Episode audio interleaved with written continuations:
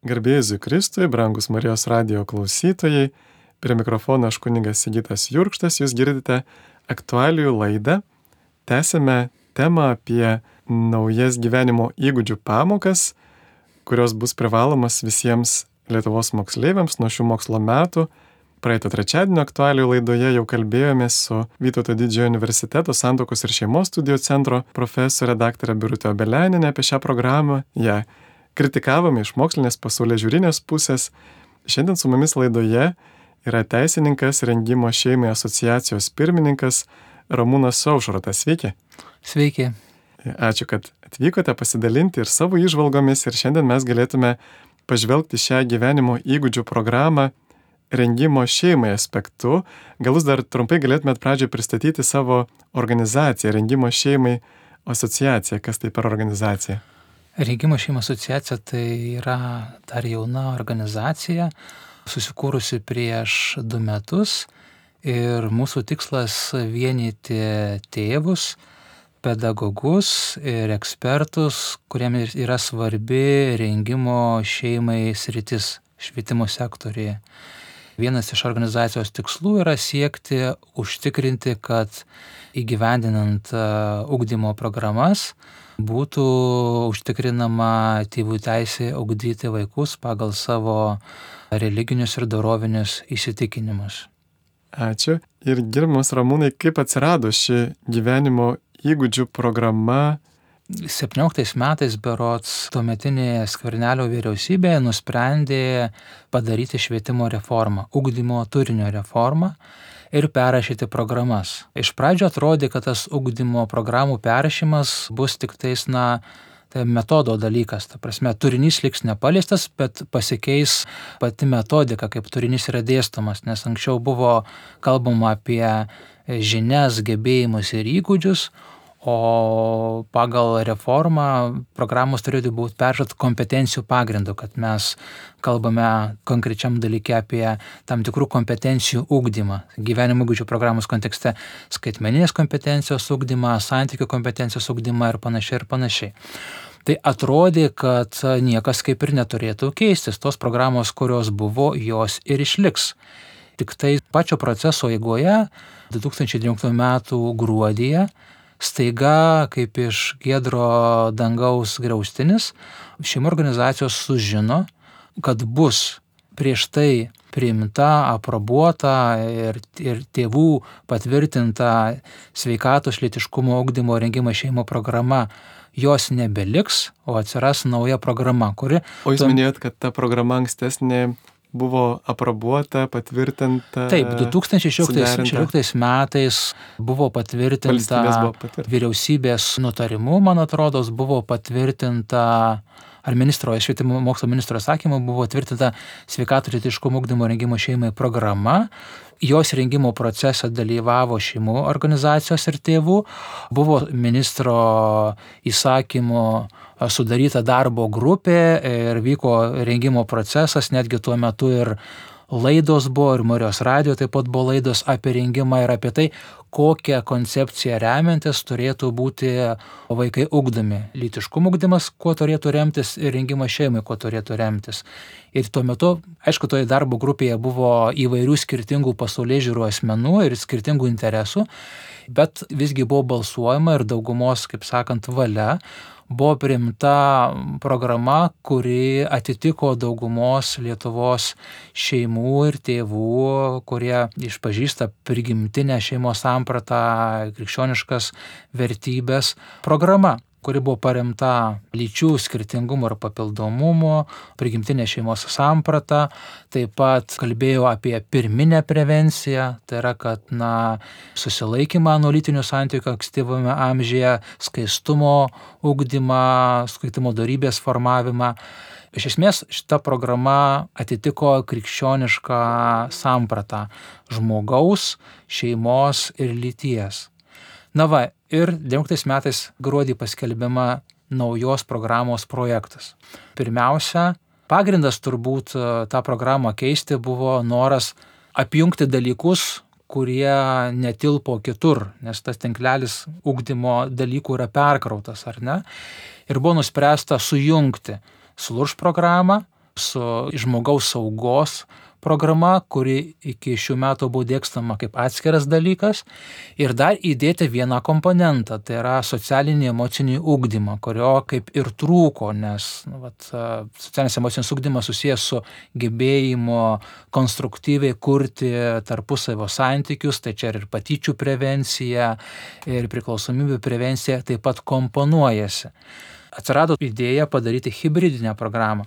Bet kai mes pamatėm 19 metų programos variantą, mes ką pamatėm? Pamatėme, kad nors pavadinime yra parašyta, kad yra žmogaus saugos, sveikatos, litiškumo ugdymo rengimo šeimai ir socialinio emocijų ugdymo programa, tokia turi labai ilgą pavadinimą, kurį paskui sutrumpinau iki gyvenimo įgūdžių programos, bet realiai rengimo šeimai programoje nėra ir litiškumo ugdymas yra kitokios koncepcijos. Na ir tada mes pradėjome, kaip šeimo organizacijos, įskaitant rengimo šeimo organizaciją, pradėjome rašyti laiškus į ministeriją, nacionalinę švietimo agentūrą, į Seimo švietimo komitetą, klausdami, prašydami, reikalaudami, kad na, išliktų ta senoji programa su jos vertybinėm nuostatom ir kad naujoj programoje būtų vieta tam taip, kaip mes suprantame litiškumo ugdymui ir taip pat būtų vieta rengimui šeimai. To viso proceso rezultatas buvo tai, kad visgi dabar programa, kur yra priimta gyvenimo įgūdžių, na, netitinka mūsų, mūsų lūkesčių, joje nėra rengimo šeimai dalies, kalbant apie lietiškumą ugdymą, jinai remiasi kita pasaulyje žiūrinė samprata, bet jau mano kolegė Birutė apie tai kalbėjo. Ir tai kelia klausimų ir ateityje sukels nemažai įtampų, kai šita programa bus įgyvendinama. Kitaip sakant, kad na, dažnai mes išgirstame tokį įvaizdį, kad tarsi bažnyčia, krikščioniškos šeimos kažkaip tarsi priešinasi tam litiškumo ūkdymai ir liktai vis, vis nori pašalinti iš mokyklų, bet atrodo, kaip bet kalbėjausi ir su profesorė Birutė ir su jumis, kad kaip tik tos krikščioniškos organizacijos, jos labai aktyviai dalyvauja litiškumo ūkdymo visame šitame programų rengime ir kad jau nekarta buvo labai demokratiškų būdų susitarta, dialogų būdų su, visami, su visomis grupėmis, vis, visas, visus interesus atstovaujančiamis organizacijomis, bet kiekvieną kartą kažkas tai valdžioje užblokuodavo, tikrai buvo labai demokratiškų būdų parengta ta programa ir dabar šios programos rengėjai, jie tiesiog išmetė šitą dalį, kuri buvo bendrai mhm. parengta ir, ir įterpė savo visiškai siauros, tokios kitos, siauros grupės pasaulyje žiūros, kuri neatstovauja daugumos Lietuvos žmonių nuomonės ir pasaulyje žiūros tokį pasaulyje žiūrinį dalyką.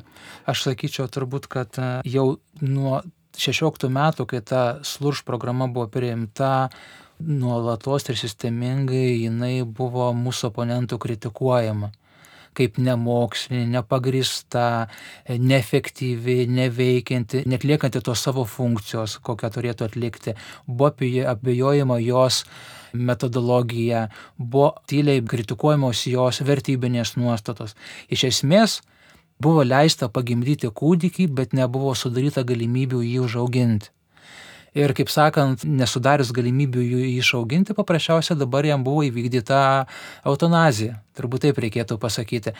Ir natūralu, kad pirmoji vietoje šitų smūkų grojo tos organizacijos, kurios atstovauja, sakykime, tą visuomenės grupę, kuri vadovaujasi kita pasaulyje žiūros. Gender ideologija ir LGBT, kuriems aktualu, sakykime, kalbėti apie tuos, sakykime, taip tikrovė egzistuojančius dalykus, bet ne didžiai dalį visuomenės nepagrindinius dalykus. Taip, tikrovė yra žmonių, kurie turi homoseksualų polinkį, yra žmonių, kurie turi problemų dėl lyties tapatybės. Apie tai galima kalbėti, bet tai nėra pagrindinė ir esminė litiškumo augdymo rengimo šeimai dalis. Ta prasme, kalbėjimas apie homoseksualumą jisai nėra susijęs su rengimu šeimai. Kalbėjimas apie lyties tapatybių įvairovę taip pat nėra susijęs su rengimu šeimai. Tai visiškai kiti tikslai. O visgi mokyklos užduotis, kaip švietimo įstatymė labai aiškiai yra parašyta, ugdyti dorovingą asmenybę. Dorovinga asmenybė apirma ir asmenį, kuri geba įsipareigoti brandžiai draugystei ir ilgalaikiai meiliai santokoje. Tai taip yra parašyta švietimo įstatymė, bet vat yra tam tikros grupės, kurios turi savo tikslus ir tikslai tam tikrą prasme yra, kaip sakant, padaromi svarbiausiais arba pagrindiniais. Na ir iš tiesų, štai ta programa yra kartu, joje yra įvairių dalykų, labai daug gerų dalykų, tikrai mes nekritikuojame tų įvairių kitų dalykų, panašiai kaip ir Stambulo konvencijoje nekritikavome visų tų priemonių, kurių būtų imtasi prieš smurtą, prieš moteris, bet būtent va toks nedidelė porcija tokio, kaip čia pasakyti, trojos arklio, kuris va šiuo atveju yra štai ta nesuderinama su krikščioniška ir, ir prigimtinė šeimos samprato pasaulyje žiūra. Ir visgi, vad jeigu kalbam apie litiškumo augdymo tą dalį, tai litiškumas yra tas mūsų pasaulyje buvimo būdas, buvimo vyru arba moterimi. Taip, lytis ir yra vyro ir moters. Ir jei būtume belyčiai, mes tuomet negalėtume kalbėti apie litiškumą. Taigi, kas yra kalbame šios gyvenimo įgūdžių programos dalyje apie litiškumą, apie mūsų buvimą vyru ar moterimi? Aš gal iš tos pusės pasakysiu, kad, na, kadangi programa tai gyvenimo įgūdžių programa, reiškia, kalbama apie tą tam tikrų įgūdžių formavimą. Tai turbūt normalu kalbėti apie tai, kad vienas iš esminių gyvenimo įgūdžių, kurį reikia ugdyti, tai yra gebėjimas kurti tinkamą santyki su kitos lyties asmeniu. Tai va šitos programos kontekste atrodo ta programa yra kaip ir belytė, nes kalbama apie sveikus santykius su kitu asmeniu, bet ne su kitos lyties asmeniu, tarsi lytis šitoje vietoje nefigūruoja. Kitaip sakant, tai yra litiškumo ugdymo programa, kurioje nekalbama apie litiškumą tiesioginę to žodžio prasme. Na, kalbama, sakykime, kalbama apie žmogaus anatomiją, apie lytinį brandimą, apie tą raidą, kas fiziologija, kas vyksta vaikė ar ne kaip mergaitė turi suvokti, pastebėti, kaip reaguoti ar ne, kaip berniukas į tai, kas procesus fiziologinius, kurie vyksta.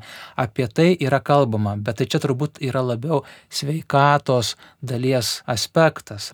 O kalbant apie litiškumo ugdymą, tai šitoje vietoje turbūt yra du dalykai programoje. Tai reiškia lytinis potraukis ir jo realizacija, kuri yra galima turbūt programa tiesiogiai nesako, bet galima implikuoti įvairiomis formomis. Ir taip pat iš to lytinio potraukio kylantys lytiniai santykiai ir, ir tų santykių tam tikros pasiekmės ir tų pasiekmių reguliavimas. Tai čia yra labiau ne lytiškumo ugdymas, ugdymas tam tikram santykiui, bet toks redukuotas lytinis švietimas, kuris kalba apie kaip procesas vyksta ir kaip tą procesą valdyti ir kontroliuoti. Bet, bet tas aspektas, kad yra redukuotas lytiškumas, nes santykis su kitos lyties asmeniu pasireiškia ir santykiu su vyru arba santykiu su moterimi. Tai, tai reiškia, kad turėtų programuoti kalba apie buvimą vyrų, buvimą moterimi ir apie vyriškumą ir moteriškumą ir apie skirtingą jo raišką. Ir tas santykis su kitos lyties asmeniu taip pat implikuoja ir šeimos kūrimą, ir gyvybės pratesimą. Taigi programa turėtų kalbėti ir apie buvimą tėčiu, ir buvimą mama, kas na, nėra tapatus ir sulyginami dalykai. Tai viso šito programoje nėra toks jausmas, kad programos autoriams tas dalykas nėra svarbu galima turbūt pasakyti, kad ta programa yra, na, apie vienos lyčiai neutralios būtybės santyki su kita lyčiai neutralia būtybė, ar ne, kurioje nefiguruoja kaip dedamoji lyčių skirtingumas, iš to kylančia įtampa, konfliktai ir kaip spręsti ir nefiguruoja tas papildomumo klausimas, nes, nes visgi tikrai daug tarp asmeninių konfliktų arba santykių konfliktų yra susiję ir su vyro ir moters psichologiniais smegenų skirtumais. Ir apie tai irgi reikia kalbėti, kad norim susišnekėti ir turėti santykius, tas irgi yra svarbu. Tai programa tarsi ignoruoja šituos dalykus, tai, tai šitoje vietoje paliks vaikus, bet galbūt tam tikros kompetencijos šitoje srityje ir formuos galbūt neteisingą suvokimą, kad, na, nėra taip svarbu, ar tu esi berniukas ar mergaitė, mes esame vienodi ir galima tą santykį ir vienu kitu atveju konstruoti taip pat. Tai iš tiesų turbūt nesuklystume pasakę, kad absoliuti dauguma jaunuolių savo laimę šitoj žemėje sieja su laimingos šeimos kūrimu ir pasirengti yra būtina, kaip ir išmokti mylėti. Ir žinom, kad ir Biblijoje didysis įsakymas yra meilės įsakymas, mylėk Dievą visą širdimi, visą sielą, visų protų, visomis jėgomis, mylėk savo artimą kaip save patį. Ir aš taip girdžiu, kad šioje programoje nėra apie tai kalbama, nėra kalbama nei apie šeimą, nei apie meilę, nėra atstovaujamas va tos krikščioniškos prigimtinės šeimos, tiesiog prigimtinės vertybės ir ką tada daryti tevams, kuriems iškils sąžinės prieštaravimo klausimas, juk ir mūsų konstitucija tai gina parašyta, kad sąžinės laisvė yra nevaržoma, kad tėvai turi teisę augdyti vaikus pagal savo religinius ir dorovinius įsitikinimus. Tai kaip dabar elgtis tevams? Aš gal pradėsiu nuo truputį anksčiau, paklausėt, kaip yra toj programoje su meilė ir šeima. Tai irgi pats kontekstas išsiaiškinę, kad yra problema, kad nebelieka čia toj programai rengimo šeimai, kas mūsų nuomonė yra svarbi dedamoji, tokioj ugdomojo programų, ypač kai ne visose šeimose vaikai gauna tinkamą supratimą ir patirtį apie tai, kas yra meilė ir kas yra šeima. Tai tokia programa, kurioje kalbama apie meilę ir šeimą, gerai kalbama, jinai atliktų kompensacinį vaidmenį, sudėtų tam tikrus pagrindus, kurių nėra. Tai to nebuvimas, sakykime, netgi iškelia klausimas, kad jinai kaip tik atvers skylę didesniam tokių vaikų, kurie neturi patirties šeimos ir, ir, ir meilės, tos autentiškos patirties išnaudojimui. Tai gali būti net ir priešingas efektas. Ir mes prašėme Seimo švietimo komiteto, kad duotų nurodymą švietimo mokslo ministerijai, kad įdėtų rengimo šeimai dalį, kad taip kaip buvo 16 metais, kad būtų perkelta dalis. Ir labai nustebome, kad švietimo mokslo komitetas Seimo priėmė nutarimą įpareigojant į ministeriją įdėti tą dalį, o ministerija praignoravo. Padarė taip, kaip jai yra patogu arba yra naudinga. Tai čia toks na, pilietinė visuomenė suinteresuota nori kažką padaryti, o ministerija sako, mes jūsų neklausysime. Darysime, kaip mums atrodo. Normaliai demokratinė visuomenė valdžios institucijos įsiklauso į poreikius. Sakykime, galim diskutuoti dėl litiškumo ugdymo, ar ne, ar viena arba kita koncepcija vadovautis, bet rengimo šeimai prašome mes, anapusė šitoj vietoj nei prieštarauja, nei ką, ta prasme, jai neaktualus sakykime, genderistams nėra aktualus rinkimo šeimai klausimas. Mums aktualus. Mes prašome įdėti, kitai pusė neaktualu, kodėl neįdėti. Kodėl neįdėti. Tai va, galiausiai praignoravo tą dalyką, tada mes prašėme tokio dalyko, kad programoje remiasi septyniom kompetencijom - skaitmeninė kompetencija, santykių kompetencija, pažinimo kompetencija ir taip toliau. Na, įdėkite rengimo šeimai, pasirengimo šeimai kompetenciją kad dalyke atsirastų, o jau paskui mokytojas jisai pats atras per kokią pamoką, kokiu kampu ir kaip ją ugdyti, bet įdėkite į programą pasirengimo šeimai kompetenciją. Nes nu, mes matome tą tikrovę, kad Lietuvoje žmonės galbūt yra edukuoti, baigia aukštuosius mokslus, bet negeba kurti asmeninių santykių ir gyventi santokoje ir prisimti atsakomybę už vaikus žiūrint, kiek yra skirybų, kiek yra iširusių šeimų, tą išvadą labai lengva pasidaryti ir turbūt švietimo sistemai yra labai svarbu dėti pagrindus to pasirinkimo šeimai jau mokykloje.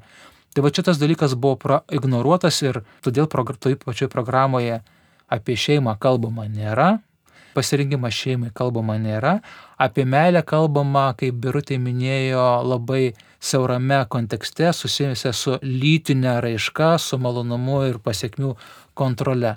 Tai toks redukuotas lytiškumo raiškos supratimas. Tai tikrai, na, jinai neatspindi nei švietimo įstatymo, nei to, ko, sakykime, tėvai tikisi švietimo sistemos, tų lūkesčių taip pat, taip pat neatspindi.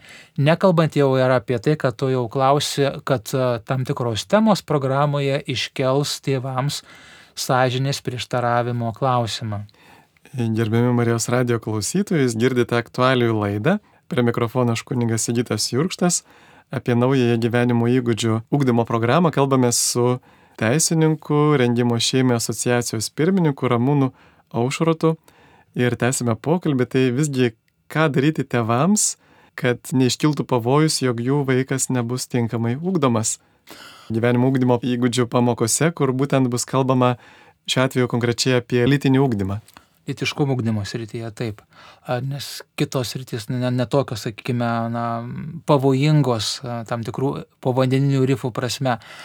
Tai kas yra turbūt svarbu? Mes parengėme tokias trumpas rekomendacijas, jos buvo publikuotos laikmetyje, taip pat jos greitų laiko atsiras mūsų puslapyje rengimas šeimai.lt. Į ką svarbiausia atkreipti dėmesį? tą programą yra privaloma įgyvendinti. Tai yra dalyko programa. Mokykla negali nei jos neįgyvendinti, o tėvai negali neleisti vaiko į dalyko pamokas, nes nu, pagal įstatymą vaikui iki 16 metų yra privaloma lankyti mokyklą, o tai reiškia ir, kad privaloma lankyti pamokas. Na, tai gali būti traktuojama kaip e, vaiko teisų neužtikrinimas ar ne neleidimas. Tai va tai, iškyla klausimas, ką šitoje vietoje daryti. Pirmas toks būtų patarimas būtų žvelgiant iš tos praktinės perspektyvos gali būti labai bloga programa, bet geras mokytas, kuris sugebės iš tos programos paimti gerus dalykus ir sušvelninti tuos blogus dalykus. Ir gali būti labai gera programa ir blogas mokytas, kuris sugadins tą programą. Ir gali būti taip, jeigu, jeigu yra ideologiškai angažuotas mokytojas, tai jisai ir per savo kito dalyko pamoką, pavyzdžiui, ar istoriją, arba lietuvių kalbą, jis sugebės ten užsiimti genderizmo propagandą. Čia priklauso labai daug nuo mokytojų. Tai pirmas klausimas turbūt tėvams būtų išsiaiškinti ir paklausti mokyklų administracijų, koks mokytojas dėstys šitą programą. Kadangi tai yra dalyko programa, Tai čia geroji žinia, kad į ją gali dėstyti tik tais vidaus darbuotojas, tai yra mokytojas, kuris dirba toje mokykloje. Dabar kas tai galėtų būti, tai čia irgi yra klausimas. Ministerija iki pat programos patvirtinimo mums neatsakė į klausimą, ką jie numato, kas tą programą dėstys. Tokių gyvenimo įgūdžių mokytojų korpuso nėra, jo nėra sudaryta. Galima taip spėti, kad turbūt programa bus patikėta dėstyti tiems žmonėms, kurie anksčiau kažkuria dalį, segmentą tos programos dėstė, nes ten va, programa sudaryta iš, iš dedamųjų - žmogaus sauga, socialinis emocinis ugdymas, litiškumo ugdymas. Tai vad, jeigu yra koks nors žmogaus saugos dėsti, tai turbūt kadangi žmogaus saugos nebelieka, tai tikriausiai jam bus duota dėstyti. Galbūt dėstė tą slurš programą mokykloje tikybos arba etikos mokytis. Tai formuojant etatą, kad tas mokytojas turėtų pamokų, kad jam nebūtų per mažai, aš taip spėju, kad labai praktiškai pasielgs mokyklo administracijos, jos pasižiūrės, koks mokytojas trūksta jam etato arba pamokų ir pažiūrės, ar jis kažkokią tai kompetenciją turi dėstyti ir tą mokytojui prirašys, ar tai būtų biologijos mokytojas, ar etikos mokytojas, kuris išmano, sakykime, šiek tiek psichologiją ar santykius, ar tikybos mokytojas, ar žmogaus saugos mokytojas. O didesnė turbūt bėda arba problema kelia šitų mokytojų rengimas ir kvalifikacijos sugdymas, nes jau matyti iš viešosios erdvės, kad, sakykime, tos vadinamos gender ideologija ir LGBT ideologija atstovačios organizacijos labai stipriai siekia ir sieks įtakoti na, kvalifikacijos skirimą. Jos negali dalyvauti rengiant šitą gyvenimo įgūdžių mokytus tiesiogiai, bet jau dabar internete yra įvairių pasiūlymų, nuo rudens starto gyvenimo įgūdžių programa, mokytojai, kurie nori kelti kvalifikaciją, toje vietoje mes vaduodame nuotolinius mokymus, prašom užsisakyti. Tai vad, didelis klausimas bus, kas tų mokytojų kvalifikaciją kels. Man yra asmeniškai žinoma, kad yra duotas pareidimas ministerijos pedagogų rengimo centrams, vadų švietimo akademijai, Vilniaus universitetui, kad į kiekvieno dabar ruošiamo pedagogo turinį rengimo būtų įtraukta ir kalbėjimas apie gyvenimo įgūdžio programą. Kaip tariant, kiek įmanoma daugiau mokytojų bus pakelta kompetencija iš tos rytį, tikėtis, kad iš to susiformuos tas gyvenimo įgūdžių mokytojų korpusas. Bet tai čia turbūt perspektyvoje. O dabar tėvams, kas yra svarbu, paklausti, mokyklos administracijos direktorius, kas tą programą dėstys ir šitą informaciją privalo pasakyti. Tėvai turi teisę žinoti, kokie dalykininkai dėstys tą programą. Ir taip pat, na, jeigu yra maža bendruomenė, vis tiek tėvai pažįsta tos mokytus. Ir gali sakyti, na, nujausti arba, arba net ir žino tam tikras pasaulyje žiūrinės preferencijas ir ko galima iš to mokyto tikėtis. Jeigu yra klausimų, sakykime, tai tikrai žinant, koks mokytas dėstys, paprašyti susitikimo su juo, tėvams ateiti, susitikti su juo ir išdėstyti savo, sakykime, galbūt nerimą, abejonės arba išsakyti tam tikrus lūkesčius. Ir taip pat pasakyti, kad yra programoje tam tikri elementai, tam tikros privalomos temos, kurioms, na, mano kaip krikščionio tėčio arba mamos sąžinė prieštarauja ir mes savo vaikus norime ugdyti kitaip. Tai čia galbūt taip ryškiausiai matoma tema pačioje programoje, kurią privaloma išdėstyti, yra kalbėjimas apie Lietuvoje prieinamus kontracepcijos būdus legalius, ar ne? Tai aš būdamas krikščionis tėtis, žinodamas, kad krikščioniui na, negalima naudoti kontracepcijos, kad jis negali užkirsti kelio gyvybė, bet gali naudoti natūralų šeimos planavimą, ar ne?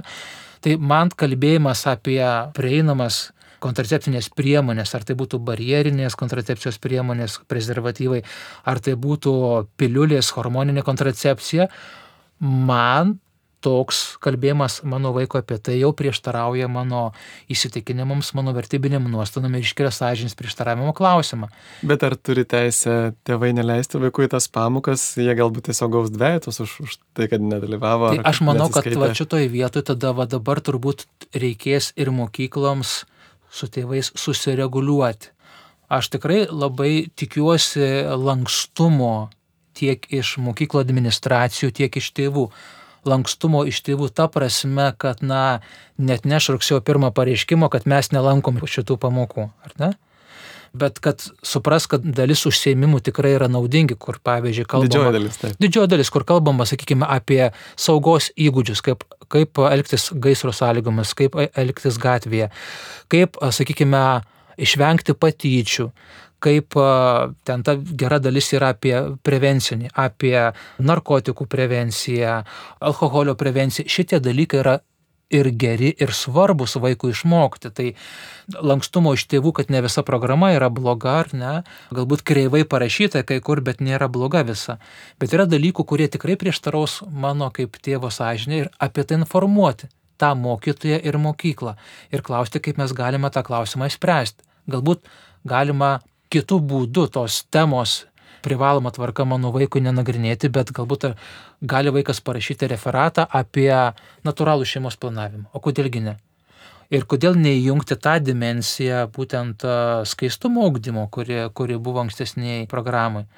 Tai vienas dalykas ir taip pat, kas dar turbūt yra labai svarbu, kad mokytai turi pareigą prieš rugsėjo pradžią pateikti dalyko augdymo planą tai paprašyti mokyklos ir mokyto, kad tėvus supažindintų su dalyko ugdymo planu, kad jis būtų iš anksto informuotas apie tai, kokios bus temos dėstamos ir vad kada. Ar lapkričio mėnesį, ar gegužės mėnesį įkris ta tema, dėl kurios man kaip tėvo arba mamai kyla abejonių. O mokykloms taip pat irgi noriu palinkėti lankstumo, kad atsižvelgtų į tai, kad, na, gyvenam demokratiniai visuomeniai, yra skirtingos vertybinės orientacijos, taip dabar yra, ir kad e, gerbkime tų tėvų e, religinius ir dorovinis įsitikinimus ir per prievartą nuneverskime tų vaikų apie tą dalyką mokytis. Tai aš manau, kad čia yra bendruomenėje gero sutarimo ir lankstumo klausimas. Tikrai nesinorėtų to a priori inicijavimo konfliktų, nes net ir mokykloms, sakykime, būtų tai toks, aš bandau pažiūrėti, sakykime, iš mokyklos pozicijų, iš mokyklos administracijos, iš direktoriaus pozicijos. Jam tenka rūpintis, kaip įgyvendinti naujas programas, kurios dar nėra neaišku, kaip su kuo jas valgyti. Iš kur gauti mokytojams metodinių priemonių naujam programom, vadovėlių nėra tada iš kur man gauti dalyko mokytojų, nes trūksta mokytojų, kaip sumokėti atlyginimus mokytojams, nes mokinių trūksta mažesnėse mokyklose, kaip su ta biurokratija tvarkytis. Tai iškia mokykla turi tiek daug visokių problemų, kad dar viena problema, tai yra konfliktai su tėvais dėl šitos gyvenimo įgūdžių programos, mokyklai tikrai yra nereikalingi. Tai tikrai jų mokyklų interesas yra padaryti taip, jog šitoj vietoj būtų susišnekėjimas su tėvais, o ne konfliktai. Bet aišku, negali garantuoti, kad nebus tokių, sakant, kategoriškai nusiteikusių tėvų ir negali garantuoti, kad nebus kategoriškai nusiteikusių ir galbūt net ideologiškai angažuotų mokytojų, kur sakys, ne, vaikai turi žinoti ir išmanyti visas kontracepcijos formas. Maža, ką ten tėvai apie tai mano. Na taip, ir turbūt dar svarbu pabrėžti, kad tai nėra tik iš religinio įsitikinimo kylantis dalykas, na pavyzdžiui, kontracepcijos atsisakymas, bet tai yra tiesiog tam tikrais tyrimais pagrįstas na, sveiko proto sprendimas. Mes galime atpažinti didesnį gėrį, kad vaikams nebūtų sukuriama iliuzija, kad jie yra saugus ir kad jie gali leistis į daug dažnesnius, apskritai gali leistis į nesaugius lytinius santykius ir paskui vis dėlto pastebėti, kad tos kontraceptinės priemonės vis dėlto nebuvo šimto procentų efektyvos, nėra stebuklingos ir vis dėlto įvyksta paauglių neštumai ir taip toliau. Tai geriausias būdas to išvengti yra būtent susilaikimas iki santokos E, ir, ir savęs valdymas, e, išmokti skaistumo darybės. Taigi tai nėra vien tik tai iš religijos kylantis, bet dar labiau iš sveiko proto kylantis dalykas. Taigi ką, mūsų laida jau visai eina į pabaigą. Tikrai su liūdėsiu galime pripažinti, kad vis dėlto mūsų valstybėje demokratija šiek tiek šlubuoja ir, ir kad valdžia kartais elgesi savavališkai ir bando mums primesti labai svetimas, praktiškai didžiai daliai Lietuvos visuomenės, kiek yra Lietuvos piliečiai, maždaug 80 procentų laiko save krikščionimis, tai didžiai dalį visuomenės bandoma primesti visai svetimas vertybės šitame pasaulio žiūrinėme litiškumo klausime, bet aišku, galim pasidžiaugti, kad tikrai kiti tos programos dalykai yra tikrai svarbus, reikalingi ir turbūt tikrai buvo daug darbo įdėta. Ar vis dėlto yra vilties, kad štai tos geros programos, kurios tikrai buvo su visais suderintos, visų priimtos demokratiniu būdu, balsavimo būdu, patvirtintos tarp įvairių suinteresuotų pusių, būtent litiškumo augdymo, rengimo šeimai, meilės ugdymo, kaip jas galima būtų ištraukti iš tos talčiaus, kad jos nebūtų blokuojamos visiškai taip be priežasties kažkokių tai kelių asmenų e, savavališko mhm. sprendimo. Čia yra gal, galimi, sakykime, keli sprendiniai, ar ne? Tai vienas sprendinys yra politinis reiškia, paprastai tai būna, kai ateina nauja valdžia, kai jinai keičiasi, jinai turi savo matymą, mąstymą apie kiekvieną politikos rūšį, ar tai būtų sveikatos politika arba švietimo politika ir taip toliau. Tai gali būti ir taip, kad pasikeitus politiniai situacijai, nauja politinė valia nuspręs šitą programą panaikinti ir gražinti ją iš dalyko į prevencija, nes iš esmės tai yra programa, kurioje kalbama apie prevenciją. Prevencija atsirado kaip reikalavimas, kaip mokyklos veiklos reikalavimas atsirado irgi 17 metais su švietimo statymo pakeitimu. Mokykla ugdo, bet taip pat ir užsiema ir prevencija. Tai dabar vat, prevencinė programa, jinai buvo įkelta į ugdomąjį turinį. Tai galima sakyti, kad na, jinai vėl turėtų būti išimta ir palikta prevencijai. Sakykime, mokykloje yra vaiko gerovės komisijos, jų darbuotojai jau užsieima prevenciją, ar ten psichotropinių medžiagų, ar narkotinių medžiagų. Jeigu reikia, mato, kad e, yra, sakykime, dalykas susijęs su lytiškumu ar ne klausimu, tada organizuoja seminarus šitą temą bet nededa to į dalyką. Tai vienas iš sprendinys būtų pasikeitus politiniai valiai panaikinti šitą programą ir perkelti jį į neformalų švietimą ir į prevenciją, kuri vykdoma mokykloje pagal įstatymą. Kitaip tariant, turėti prevencinę programą, nes jos iki šiol mokyklose būdavo. Tai vienas dalykas. Antras variantas yra irgi neturėti dalyko, kuris primeta vieną tam tikrą pasaulyje žiūrą arba kryptį, bet tai gyvendyti per neformalų švietimą, leidžiant tėvams apsispręsti. Pateiksiu konkretų pavyzdį. Vilniaus Valdorfo mokykla, privati mokykla, ten iškilo klausimas dėl litiškumo ugdymo. Vieni tėvai norėjo vieno litiškumo ugdymo, kiti norėjo kito, paremto kitą koncepciją. Ir tada mokykla nusprendė, gerai, tiems tėvams ir jų vaikams jie organizuojasi vieną seminarą, jie kvietėsi Birutą Beleninę, o kiti organizuojasi kitą. Nu ir čia yra demokratija. Vat, ir nei vienas, nei kitas nėra nuskriaustas.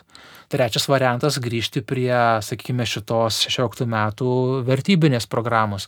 Bet turint omeny tai, kad kaip stipriai jinai buvo kritikuojama ir turint omeny taip pat mūsų visuomenės tą tokį fragmentaciją labai stiprią vertybiniais pagrindais, ar ne, turbūt būtų sunkiai įmanoma prie jos grįžti. Aš šitoje vietoje būčiau toksai truputėlį pesimistas. Na ir dar vienas variantas - apskritai pasakyti, kad lytiškumo ugdymas yra šeimos dalykas, pirmieji lytiškumo ugdytojai ir pagrindiniai yra tėvai, ir gražinti tą dalyką į šeimą ir sakyti, kad mokykla užsieima dalykų ugdymu, o vat lytiškumo ugdymas ir rengimas šeimai tai yra šeimos dalykas. Jeigu, sakykime, šeimoje su tuo dalyku yra prastai, sakykime, yra socialiai rimtina šeima, socialiai pažeidžiama šeima, na tai tada, sakykime, yra tam tikri specializuoti kursai, kuriuos ar pozityvios tėvystės, arba, arba tėvystės įgūdžių ugdymo, kuriuos teikia socialinės pagalbos centrai arba nevyriausybinės organizacijos. Tai yra šitą temą išimti apskritai iš švietimo sektoriaus, kad jinai nekeltų aistrų ir nebūtų dėl to konfliktų. Taip, tai labai ačiū gerbimam pašnekovui Ramūnui Aušratui, teisininkui, rengimo šeimai asociacijos pirmininkui. Ir iš tiesų aš vis mastau dažnai, kad tikrai tokia labai paradoksali situacija, kad būtent tuo metu, kada visuomenė savo pasitikėjimą atidavė partijai, kurios pavadinime yra krikščionis, kuris sudaro valdančiąją daugumą, ir kad būtent tuo metu visuomenėje yra daugiausia antikrikščioniškų iniciatyvų, kurios tiesiog pakerta visuomenės dorovinius pagrindus, pamatus, tai tikrai matome, kad turime būti labai atsargus. Prie mikrofono aš buvau kunigas Sigitas Jurkštas ir iki kitų susitikimų sudė. Sudė.